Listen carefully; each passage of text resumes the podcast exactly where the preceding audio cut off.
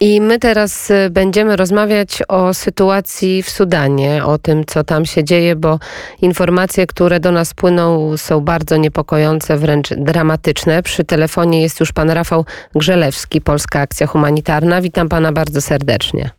Dzień dobry Pani, dzień dobry Państwu, a właściwie dobry wieczór, bo już ciemno. Tak, tak, już jest e, wieczór. Rekordowo wysoka osób zagrożonych głodem w Sudanie. W sześciu regionach ogłoszono już klęskę głodu. Proszę powiedzieć, dlaczego ta sytuacja w Sudanie cały czas jest taka dramatyczna, a teraz już e, naprawdę sięga zenitu? No, muszę od razu doprecyzować, że mówimy o Sudanie Południowym, czyli to jest ta część, dawna część Sudanu, e, dużego Sudanu, która uzyskała niepodległość w 2011 roku. No to jest najmłodsze państwo e, Afryki. W Sudanie Południowym w tej chwili jest rzeczywiście rekordowo dużo osób wymagających wsparcia żywnościowego, głodujących, niedożywionych. Mówimy o ponad połowie populacji i to jest rekord od kiedy to państwo powstało. 10 lat temu. E, w tej chwili ponad połowa ludności cierpi na głód i niedożywienie, a to z powodu takiego swoistego śmiertelnego trio, takich połączonych skutków konfliktu zbrojnego, który cały czas jest tam obecny z różnym nasileniem, e, pandemii koronawirusa, a właściwie skutków tej pandemii i zmian e, klimatycznych przejawiających się w bardzo gwałtownych zjawiskach powodowych. No, w zeszłym roku przez Sudan Południowy przechodziła taka wielka powódź, bardzo pustosząca, wielka niszczycielska siła, przez którą ucierpiało ponad milion y, osób na 12 milionów mieszkańców. No, ta woda, bo wtedy akurat mnie w Sudanie Południowym nie było, ale oglądałem relacje, które wysyłali nasi pracownicy. No, to jest woda, która zalewała naprawdę wszystko, niszczyła domy, pola uprawne, zatruwała studnie. Y, ludzie musieli uciekać. Sudan Południowy jest szalenie uzależniony od rolnictwa w ogóle, więc to był potworny cios, po którym się po, po, trudno podnieść, e, bo woda stała przez wiele miesięcy na polach, nie dało się nic obsiać. E, tak jak mówiłem, byłem w Sudanie w zeszłym roku jeszcze przed tą powodzią, natomiast te różne powodzie, podtopienia tam się zdarzają bardzo często i rozmawiałem w obozie dla uchodźców z taką panią, która no, była bardzo sprawną rolniczką, no ale przyszła powódź, zniszczyła wszystko, co miała. Przez jakiś czas ludzie z jej wsi szukali pożywienia w okolicy, no ale już tam zaczął się głód i trzeba było trafić do obozu dla uchodźców, a, a wyrwać się z, z obozu dla uchodźców, wrócić do normalności e, jest bardzo trudno, bo czasami w ogóle nie ma do czego wracać.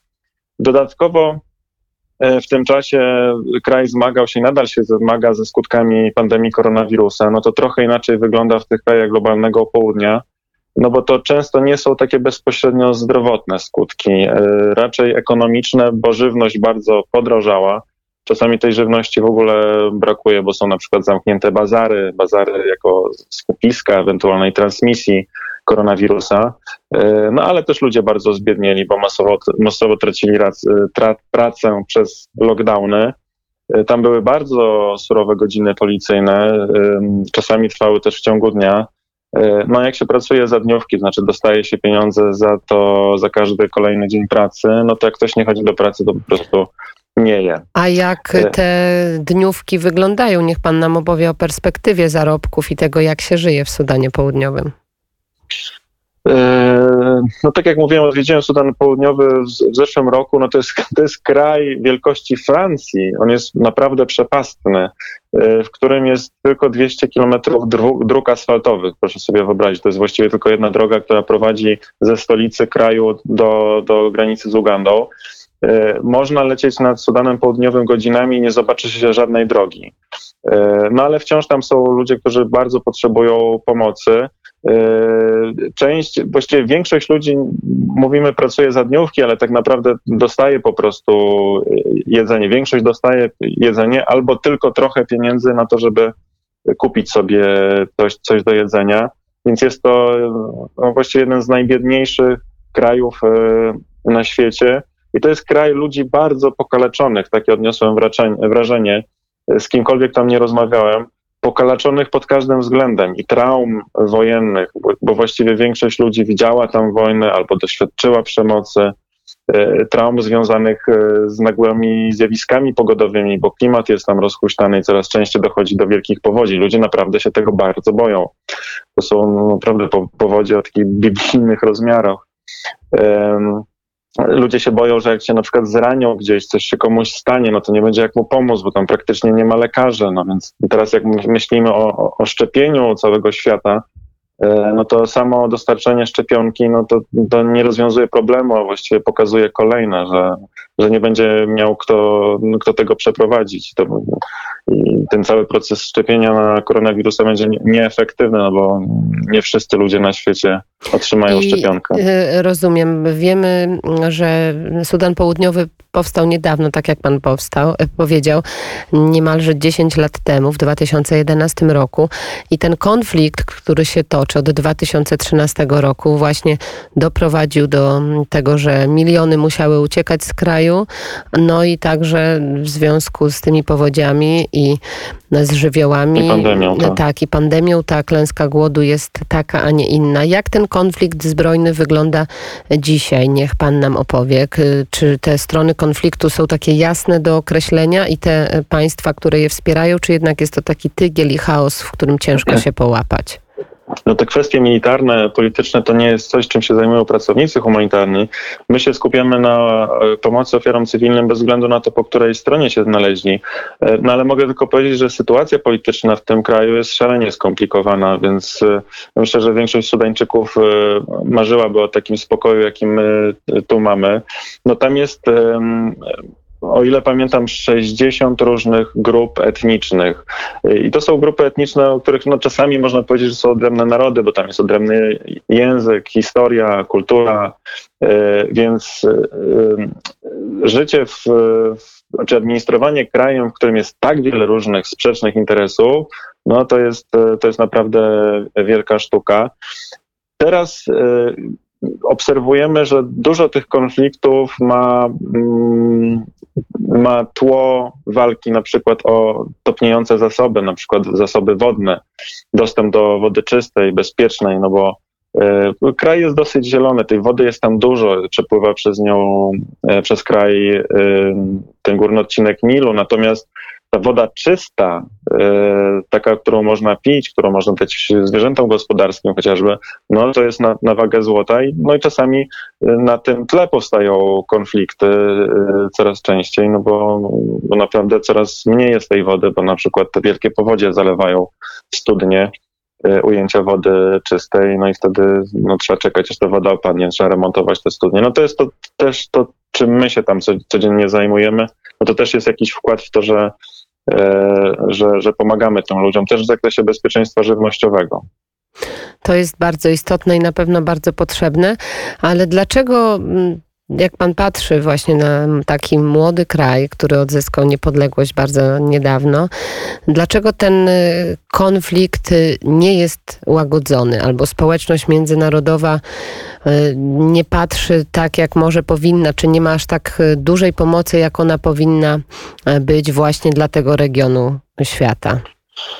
No, chyba warto powiedzieć, że w zeszłym roku, akurat jak byłem w Sudanie Południowym, to zawarto porozumienie pokojowe, które dawało jakąś e, nadzieję na pokój. Porozumienie, e, które zresztą było e, zawarte dzięki wsparciu papieża Franciszka, wiele miesięcy wcześniej i, i wydawało, wydawało się, że, że to już jakoś tam, yy, że, że, że, będzie trochę spokojniej, ale generalnie świat e, nie pamięta o Sudanie Południowym, no bo jest to bardzo niedostępny yy, obszar świata. Media raczej w tym roku były skupione na zupełnie innym temacie E, no jak jest wzrok mediów i społeczności międzynarodowej odwrócony, no to, no to niestety trudno też pewnie przypilnować te, te konflikty E, które no nie są takie medialne, no bo już trwają od wielu lat. No, zwykle interesujemy się, czy nasza uwaga jest skupiona na jakichś takich nagłych um, konfliktach, na jakichś nagłych sporach. No a tutaj już mamy taki konflikt, który się ciągnie i ciągnie i właściwie końca, końca nie, nie widać, tak. Tak, mhm. no e, i niestety pandemia nie, nie, nie, nie przysporzyła temu czasowi spokoju. No mam nadzieję, że, że jednak to porozumienie pokojowe teraz, gdy już gdy robi się trochę spokojniej na świecie, ten świat się trochę stabilizuje, być może w Sudanie Południowym będzie spokojniej, no ale też są takie czynniki, które sprawiają, że no, że ten konflikt może tam cały czas trwać, no właśnie coraz mniej jest czystej, bezpiecznej wody. No i to też jest zawsze podłoże konfliktów. No, od, od lat 50. obliczono było kilkadziesiąt konfliktów o wodę, a ponieważ no, czysta, bezpieczna woda jest coraz rzadszym zasobem, no to, to można przewidywać, że tych konfliktów w ogóle na świecie będzie coraz więcej. Oby te scenariusze nie były takie niepokojące. No i najważniejsza informacja dla naszych słuchaczy to, jak mogą pomóc y, dla mm, mieszkańców Sudanu, jak ta pomoc może być skierowana. No my uruchomiliśmy taką specjalną zbiórkę na naszej stronie internetowej pach.org.pl bo co prawda jesteśmy w Sudanie obecnie od, e, znaczy na terenie Sudanu Południowego od 15 lat, jeszcze zanim państwo powstało. E, no ale teraz sytuacja jest wyjątkowo trudna i potrzebujemy po prostu funduszy, żeby dotrzeć do większej liczby osób zagrożonych głodem. My dostajemy od państwa pieniądze i za te pieniądze już na miejscu zatrudniamy fachowców, kupujemy odpowiedni sprzęt, towary. To, co my robimy, to tak jak mówiłem, w Sudanie Południowym wiercimy studnie, dzięki czemu ludzie mają czystą, bezpieczną wodę. No, dzięki temu nie chorują, mogą też napoić zwierzęta gospodarskie. To też jest zwiększenie tego bezpieczeństwa żywnościowego, ale rozdajemy także na przykład nasiona roślin, dzięki czemu ludzie mogą sobie sami wyprodukować jedzenie, jeżeli są warunki do tego. Stają się wtedy bardziej niezależni od pomocy humanitarnej. Szkolimy ich też z efektywnych upraw. E, także bardzo zachęcam do okazania solidarności, do wsparcia naszej zbiórki, no bo tam ludzie cierpią z absolutnie niezawinionych przez siebie przyczyn. Oczywiście to są, tak jak pan powiedział, często najczęściej cywile, którzy mało są związani z konfliktami zbrojnymi. Bardzo dziękuję za tę rozmowę. Pan Rafał Grzelewski, Polska Akcja Humanitarna. My oczywiście pomagajmy na tyle, ile możemy, by ta klęska głodu w oczy Sudańczyków nie zaglądała. Bardzo dziękuję. Bardzo dziękuję. Wszystkiego dobrego. Wszystkiego dobrego.